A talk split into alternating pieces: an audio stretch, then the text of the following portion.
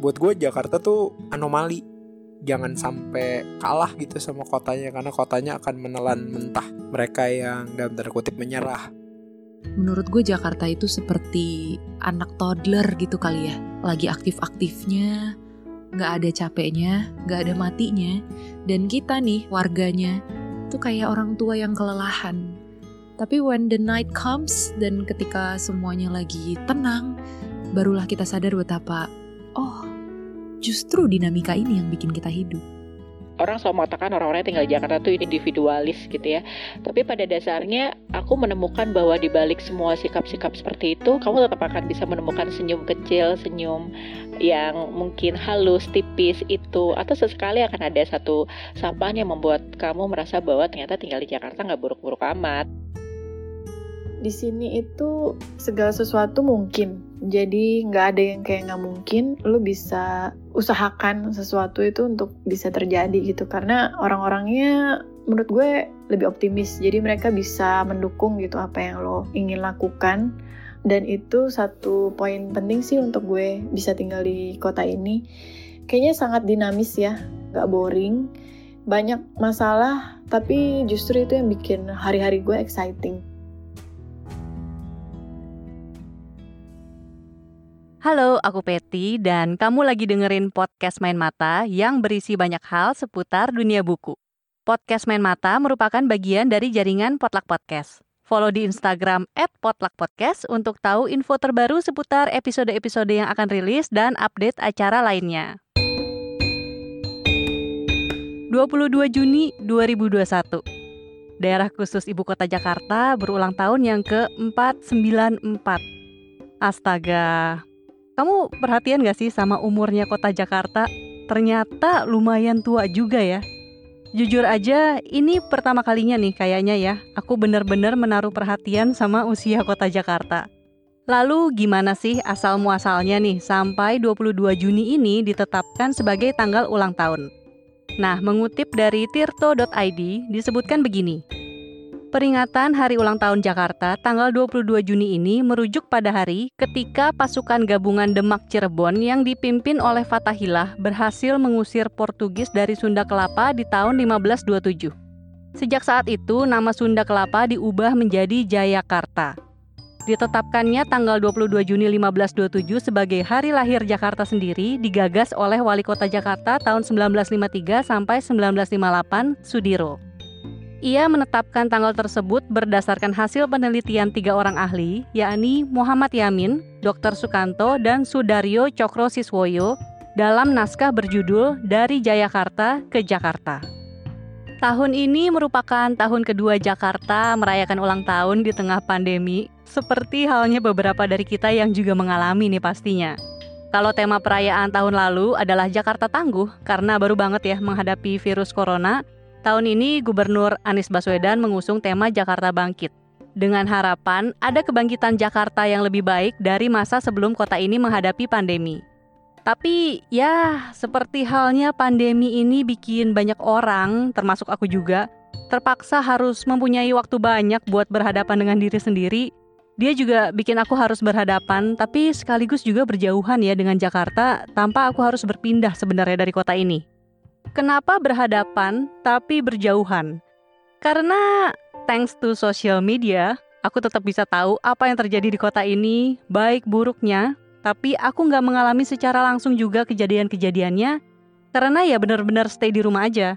Keluar rumah juga cuma sesekali, dan ya mungkin ini nggak bisa disamain banget ya, tapi apakah ini rasanya kayak di perantauan? Kangen banget bisa muter-muter keliling Jakarta tanpa khawatir akan penyebaran virus. Tapi di saat yang sama ya, ketika ada kesempatan untuk keluar, misalnya karena urusan kerjaan atau hal lain yang urgent gitu, tetap aja aku kesel ngelihat sistem yang ada di kota ini ya tetap ngawur aja. Jakarta ini, kota tempat aku lahir, tumbuh, besar, dan hidup sampai sekarang. Tapi rasanya jadi kayak sedekat dan sejauh rumah.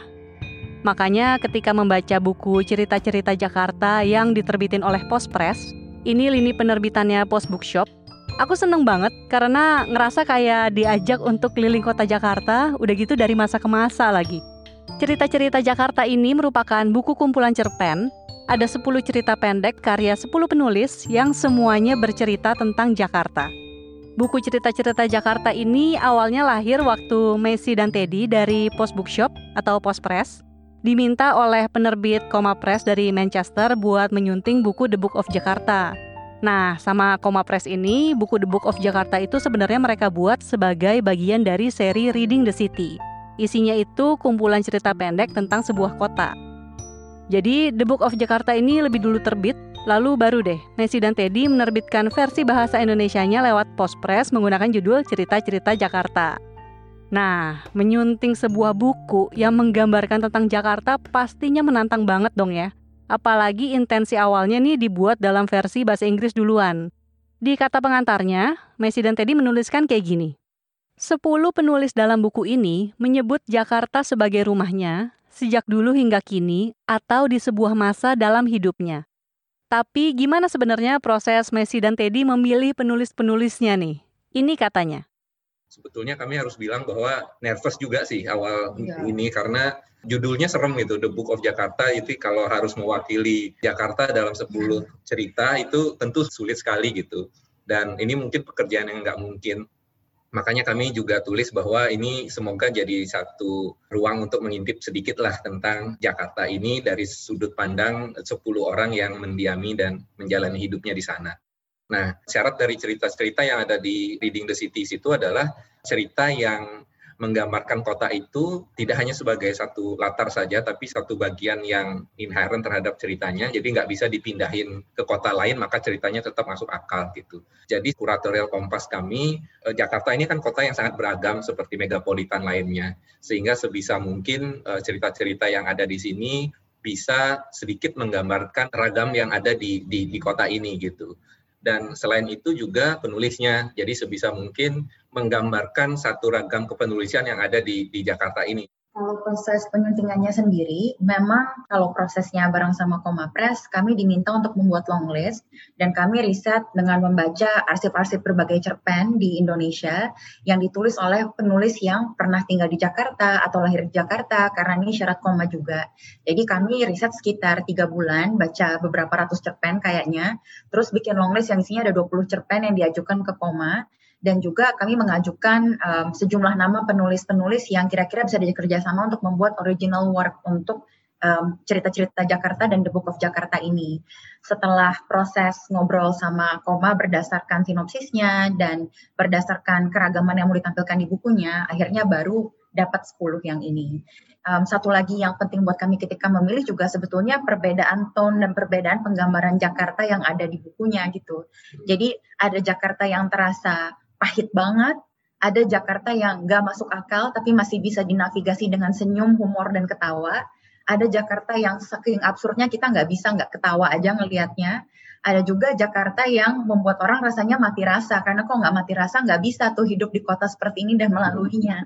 Buat kami itu juga jadi sesuatu yang um, penting karena memang kota ini rasanya kayak nano-nano kan. Kita aja sebagai manusia yang tinggal di sini perasaannya terhadap kota ini ganti-ganti kan setiap hari tergantung apa yang kita lalui. Tapi kami ingin cerita-ceritanya ini um, hadir dari sudut pandang mereka yang bersiasat untuk bisa hadir di Jakarta bukan orang-orang yang punya kuasa untuk menentukan seperti apa kota ini berjalan dan kami ingin ceritanya bisa mewakilkan betul siasat-siasat um, dari berbagai orang yang memang harus berjuang dengan caranya sendiri-sendiri untuk bisa hidup di Jakarta. Kalau ngebaca cerita-cerita Jakarta, seperti yang aku bilang tadi, kita akan seolah diajak untuk berkeliling kota Jakarta bersama warga dari berbagai kelas dan juga dari masa ke masa. Sepuluh cerita pendek yang ditulis di sini dimulai dan ditutup oleh dua cerita yang nganterin kita buat keliling kota. Sebagai cerpen pembuka, ada B2 Satu Tujuan karya Ratri Ninditya. Cerpen ini nganterin kita keliling kota dari kacamata seorang perempuan kelas menengah. Dan cerpen penutup, ada suatu hari dalam kehidupan seorang warga Depok yang pergi ke Jakarta, karya Yusi Avianto Parianom. Jakarta ini kan identik sebagai satu kota yang bergerak, warganya itu selalu bergerak dan berpindah dan hidup di jalan dan lain-lain gitu. Nah B21 tujuan itu membuka, kalau dibaca itu banyak ngobrolin tentang uh, ke tempat yang ia rasa asing, dan merasa uh, tertekan uh, apa namanya di, ada di sebuah masyarakat yang begitu tertekan oleh kapitalisme dan lain-lain. Nah, ini adalah rasa terasing yang yang dirasakan oleh banyak warga yang diam di Jakarta maupun yang baru baru datang datang ke Jakarta. Jadi cerita ini cukup uh, menangkap uh, itu dan kami rasa uh, sedih sekali ceritanya sebetulnya. Nah, pada saat ditutup cerita warga Depok itu kan dia timbul pada kesadaran bahwa besok dia akan mengulangi lagi dari awal proses yang dia akan dia lakukan di hari ini. Jadi itu juga cerita Jakarta gitu. Kita putus asa, kita sedih, kita bergembira, kemudian hari berakhir kita capek dan besok hal-hal akan berulang kembali gitu. Secara personal, B21 Tujuan ini karya favoritku banget dari buku cerita-cerita Jakarta. Ceritanya tuh tentang kerumitan hidup warga kelas menengah yang terjebak di antara pengen hidup mapan dan sukses, tapi juga nggak bisa tutup mata dengan kondisi yang ada. Rasanya porsi ceritanya tuh berasa pas dan real aja gitu. Dan mungkin aku bisa relate karena masuk golongan kelas menengah ngehe ya yang ditulis oleh Ninin ini. Jadi perasaan si tokoh utama ini benar-benar mewakili kondisi yang ada. Jadi kan ini uh, cerita yang aku tulis beberapa tahun yang lalu ya ketika aku masih uh, bekerja di Jakarta dan tinggal di Jakarta. Sekarang aku udah eh, nggak uh, tinggal di Jakarta lagi tapi aku lahir besar sampai kerja itu di Jakarta ya. Buat aku kegelisahan utama gitu ya waktu aku nulis ini adalah gimana sebagai kelas menengah ngehe perempuan di Jakarta kita banyak banget dihadapin sama ilusi akan pilihan gitu. Kayak kita selalu ada banyak pilihan kayaknya yang di ada di hidup kita tapi semua itu kayaknya sama-sama nggak enak gitu kayak harus sekolah rajin gitu bekerja keras segala macam supaya pada akhirnya bisa punya banyak pilihan itu uh, aku alamin sendiri banget gitu ya dan tapi ketika sudah punya banyak pilihan dan terus um, menjalani kehidupan ya sebenarnya apa sih yang kejar gitu kayak kosong aja gitu dan lo akan jadi this uh, boring person yang ya udah gitu terjebak dengan rutinitas dan keseharian gitu. Waktu itu juga aku memang uh, untuk uh, waktu yang cukup lama sekitar 8 tahun itu aku bekerja di sebuah perusahaan multinasional di uh, agensi periklanan di mana aku benar-benar ngalamin banget atau mungkin melihat dengan mata kepalaku sendiri gitu ya gimana uh, aku benar-benar berada di tengah-tengah penjajahan baru atau kapitalisme global itu gitu. Kayak uh, sebagai perempuan kita dikelilingi oleh budaya kerja yang masih cenderung seksis gitu ya satu. Kedua uh, sebagai perusahaan uh, lokal yang jadi cabangnya perusahaan-perusahaan mungkin di New York di London atau apa pun uh, kita harus kayak nyetor sebagian besar keuntungan yang kita dapatkan ke ke atas gitu kan. Itu benar-benar terjadi gitu loh. Kayak ya penjajahan yang zaman dulu itu terjadi saat itu dan gue alamin langsung gitu. Dan itu rasanya menyesakan banget gitu. Di situ kan juga ada kayak kayak rasa iri hati gitu ya di mana sebenarnya gue iri gitu ya sama temen-temen yang bisa meretas privilege-nya uh, untuk uh, membuat perubahan atau menjadi pembangkang gitu ya. Karena buat buat gue saat itu hal-hal seperti itu bukan hal-hal yang gue miliki dan bukan hal-hal yang mungkin gitu. Dan menurutku, versi terjemahannya B21 Tujuan ini juga nggak kalah bagus. Yang nerjemahin Mikael Johani, dia seorang penyair dan penulis juga. Versi bahasa Inggrisnya ini ketika aku baca samping-sampingan tuh beneran stay true ke suaranya Ninin, tapi juga secara tulisan sendiri dia berasa utuh.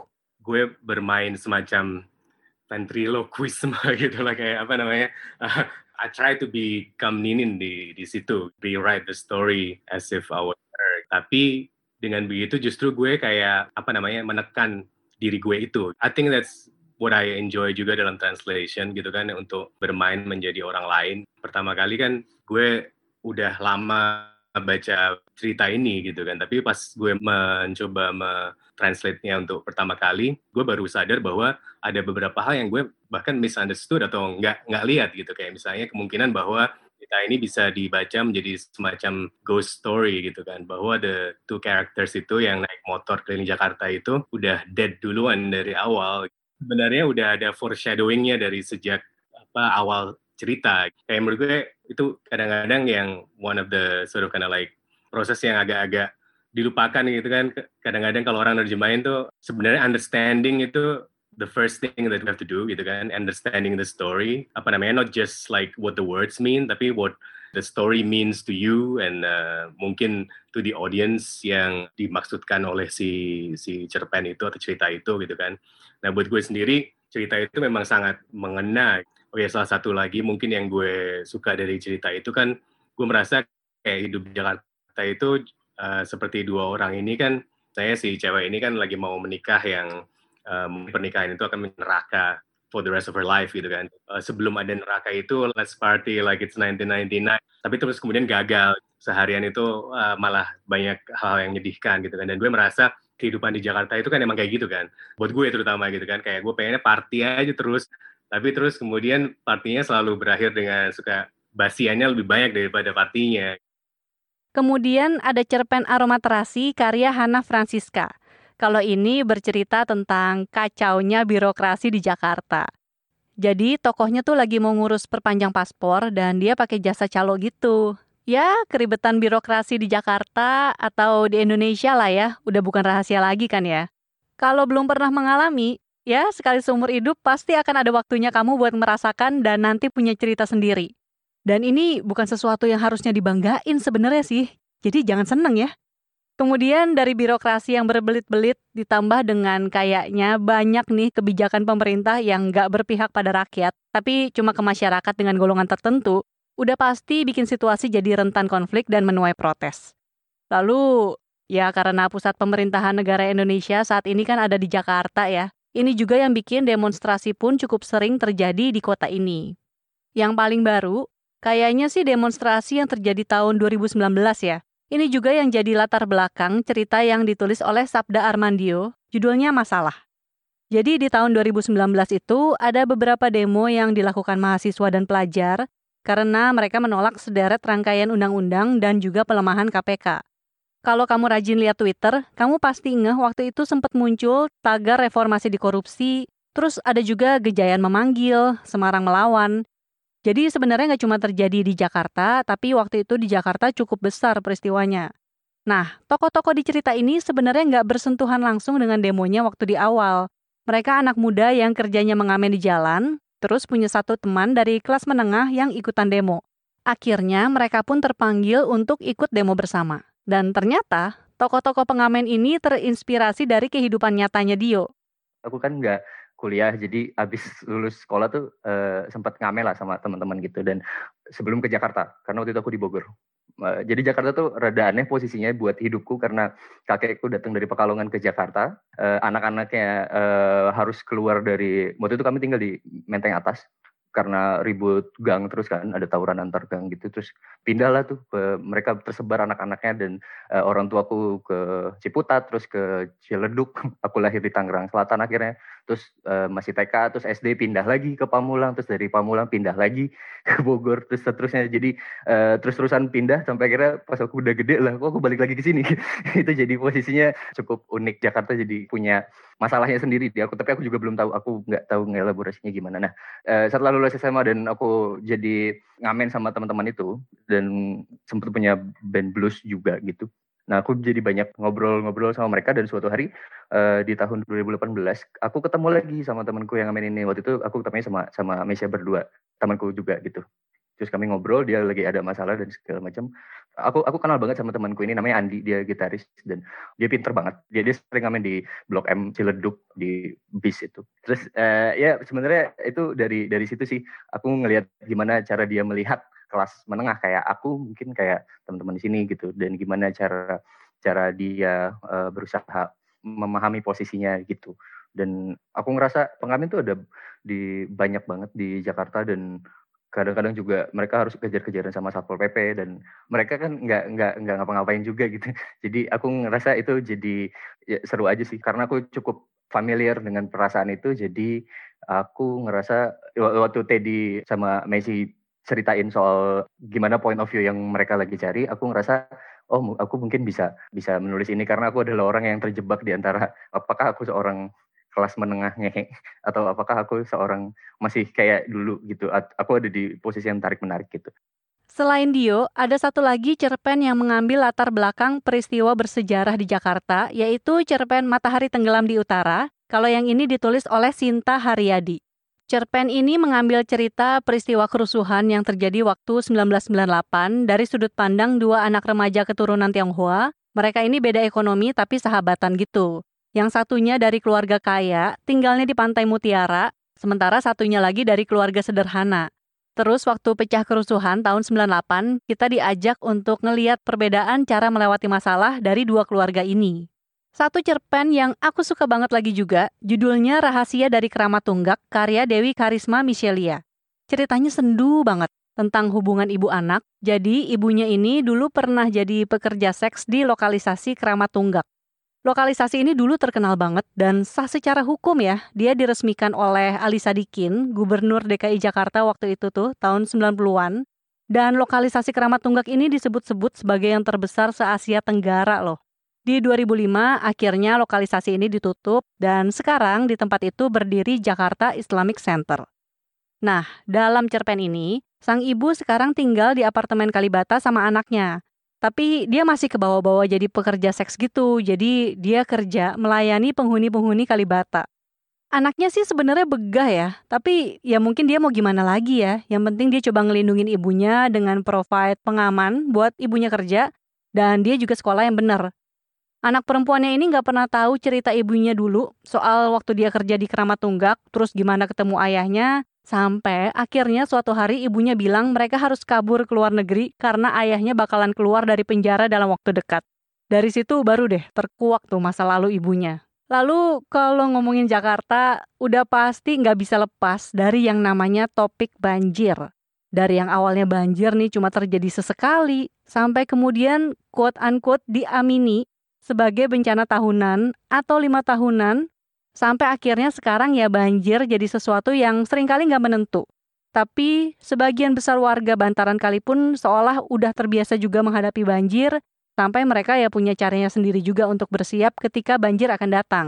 Nah, salah satu daerah yang sering masuk berita ketika banjir terjadi adalah Kampung Melayu Pulo. Daerah ini juga yang jadi latar belakang salah satu cerpen, judulnya Haji Syiah, karya Ben Sohib.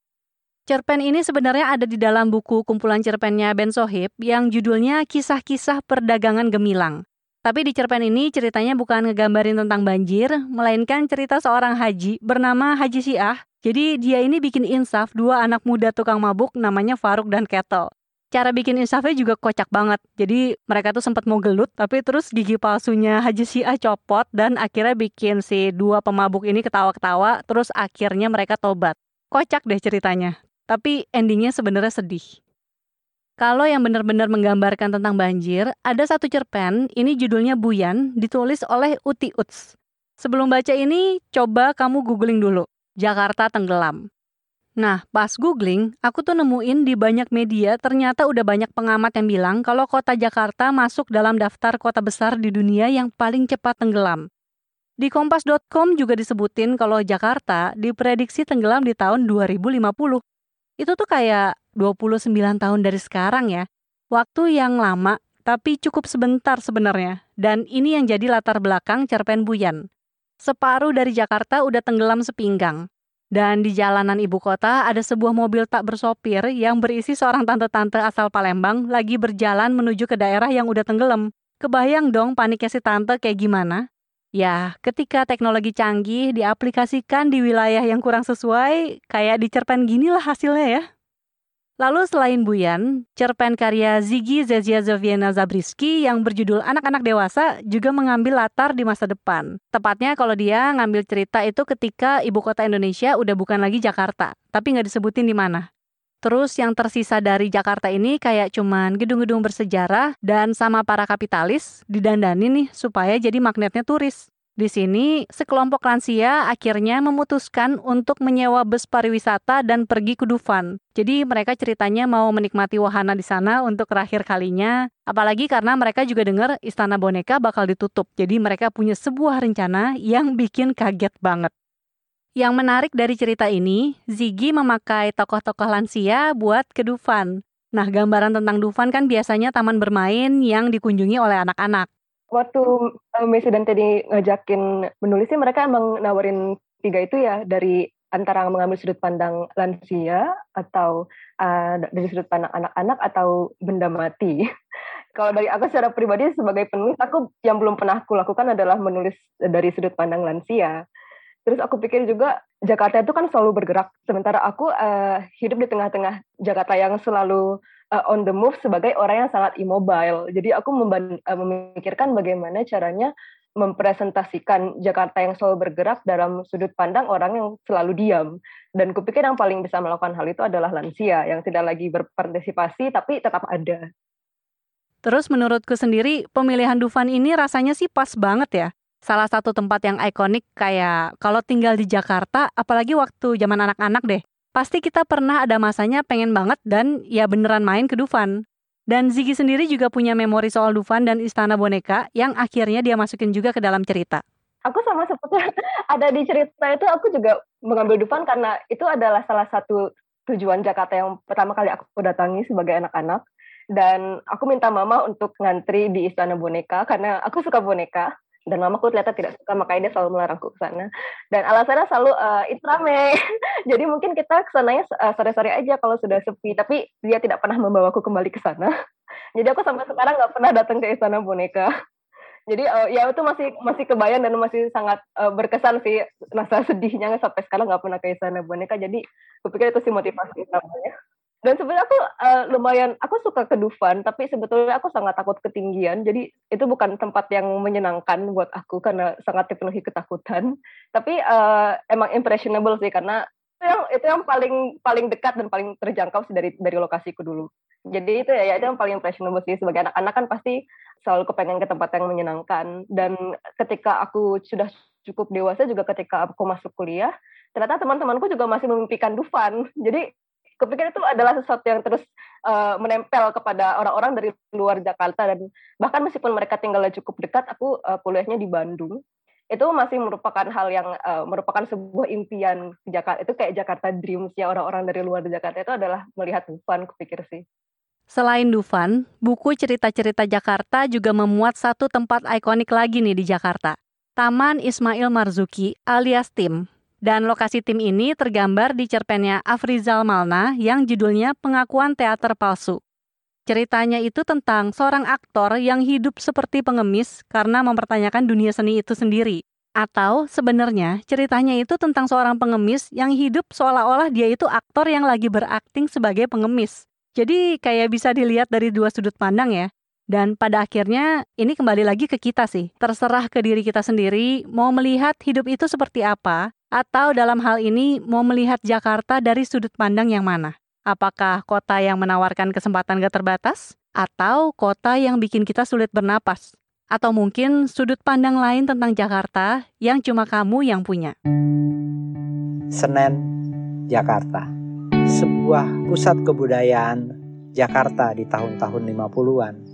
Di dalam catatan Misbah Yusabiran, seorang penulis skenario dan sutradara yang menerbitkan buku tentang Senen, di Senen ini, seniman-seniman film, musik, teater atau sastra sering berkumpul berbagi gosip-gosip dan juga berbagai rejeki apabila mereka baru dapat kerjaan film atau teater atau musik misalnya. Mereka akan berbagi rokok atau saling traktir makan atau minimal traktir kopi di sana. Dan berbagai kemungkinan-kemungkinan lain bisa muncul.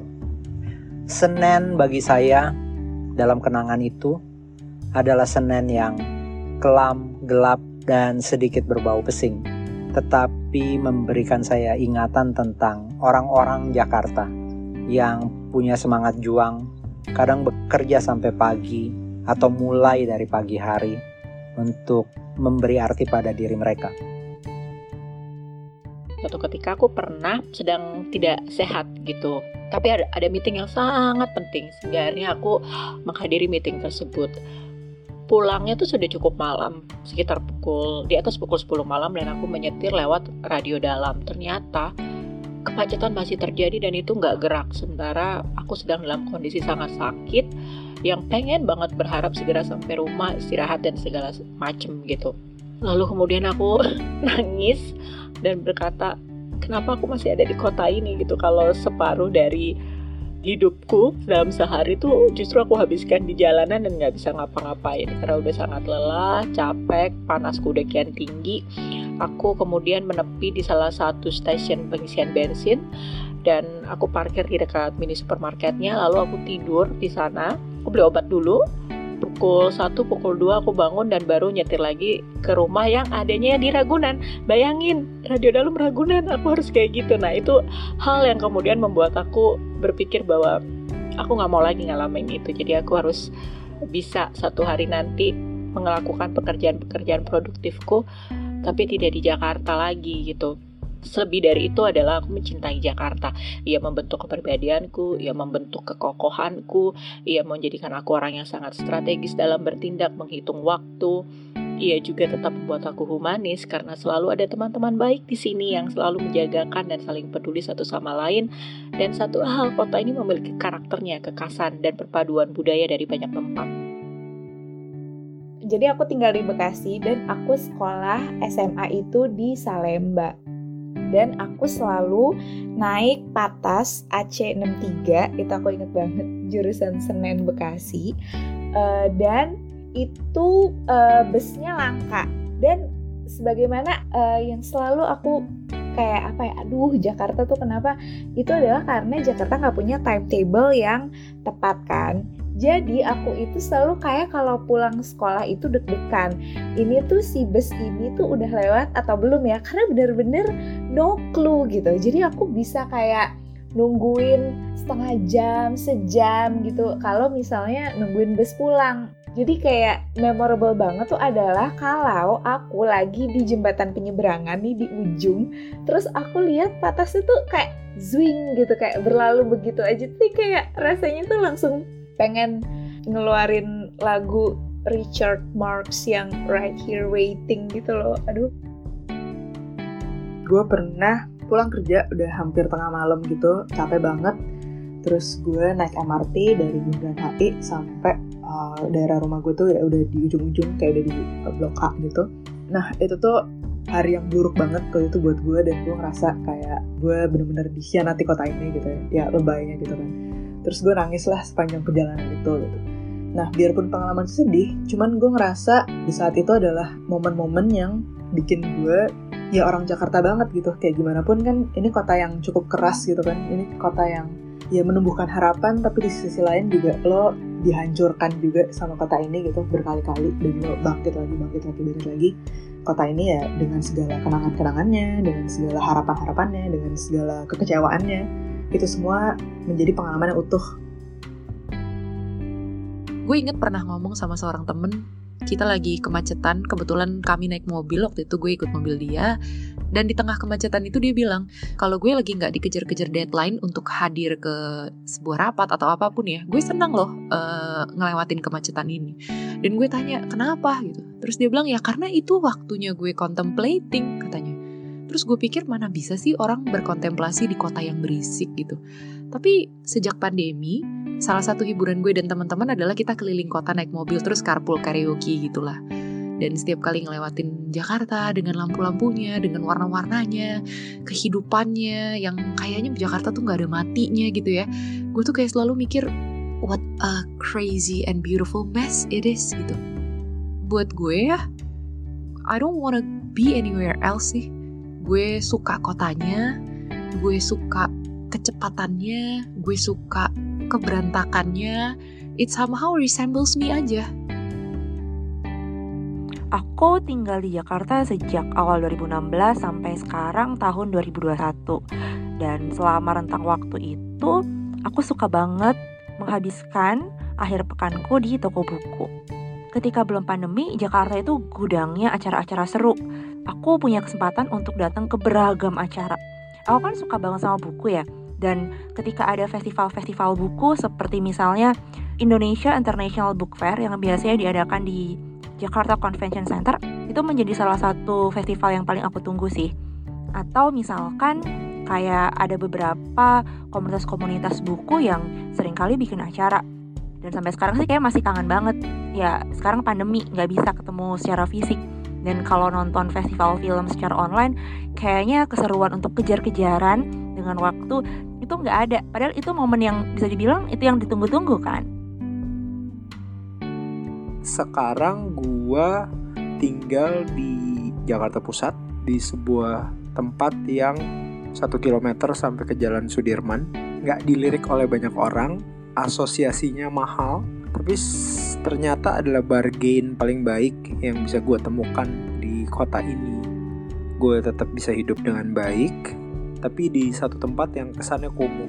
Padahal enggak. Nah, Jakarta tuh kayak gitu. Kalau lo lihat permukaannya, mungkin yang lo temukan adalah kekerasan, ketidakjujuran. Tapi sebenarnya kalau lo lihat lebih jauh, Jakarta memberi ruang yang sangat besar untuk lo jadi orang yang pengen lo mau.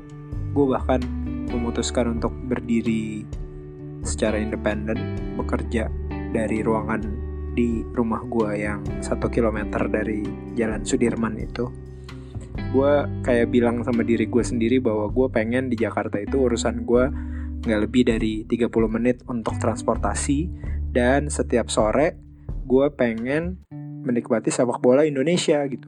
Dan bisa-bisa aja Iya, memang secara fakta dia ruang yang dalam tanda kutip tidak ramah untuk orang banyak, tapi sebenarnya Jakarta tuh selalu punya ruang untuk bisa diakali bagi mereka yang ingin mengenal kotanya dengan lebih baik. Buat gue Jakarta rumah dan ya seperti layaknya rumah tentu sulit sekali untuk pergi dan bisa jadi nggak ada alasan untuk pergi. Itu kenapa gue masih hidup dan bahagia di Jakarta sampai saat ini waktu itu ingat sekali sampai sekarang uh, waktu diajak percobaan MRT baru jalan di Jakarta. Saya pikir karena saya udah pernah naik sebelumnya di negara lain, bakal biasa aja gitu. Tapi ternyata excitementnya ketika MRT-nya datang gitu ya, itu sesuatu yang bagi saya mendatangkan rasa haru gitu. Bahwa pada akhirnya kota ini memiliki sebuah uh, moda transportasi yang modern ini adalah sebuah rasa yang nggak bisa kita abaikan gitu ya.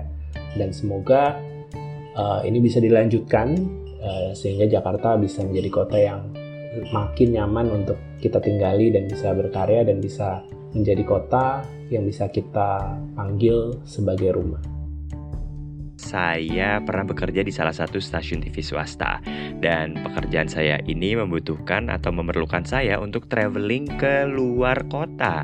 Dalam waktu sebulan saya bisa keluar kota tuh 2 sampai 3 kali dalam jangka waktu yang lumayan lama, bisa seminggu bahkan sampai 2 minggu.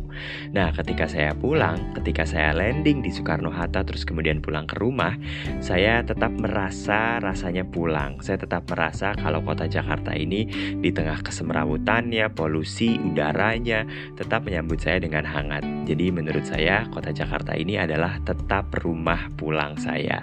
Jadi meskipun suatu saat nanti saya memutuskan untuk keluar dari kota Jakarta untuk menghabiskan hari tua atau juga pensiun atau bahkan tidak menutup mata di kota Jakarta, kota Jakarta akan tetap menjadi rumah saya dan tempat saya dilahirkan.